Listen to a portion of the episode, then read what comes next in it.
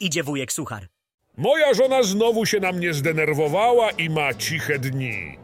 Teraz najważniejszym moim zadaniem jest sprawić, żeby uwierzyła, że to dla mnie forma kary.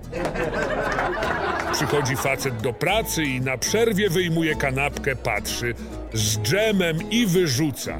Na drugi dzień to samo, a na trzeci dzień nawet nie sprawdza, tylko od razu wyrzuca. Kolega do niego. Może tym razem jest z czymś innym. Na pewno z dżemem, sam robiłem.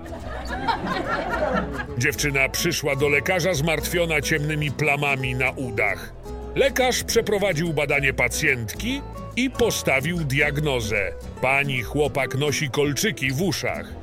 Ale powiedz mu proszę, że te kolczyki nie są złote, tylko podróbki z tombaku.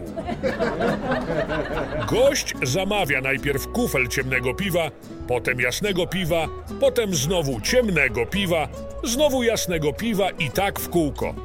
Ile kufli piwa pan wypija dziennie? Pyta ktoś zdumiony. Od 12 do 15. Takie pan ma pragnienie? Pragnienie? Dziwi się piwosz. Ja wcale nie dopuszczam do tego, żeby mieć pragnienie.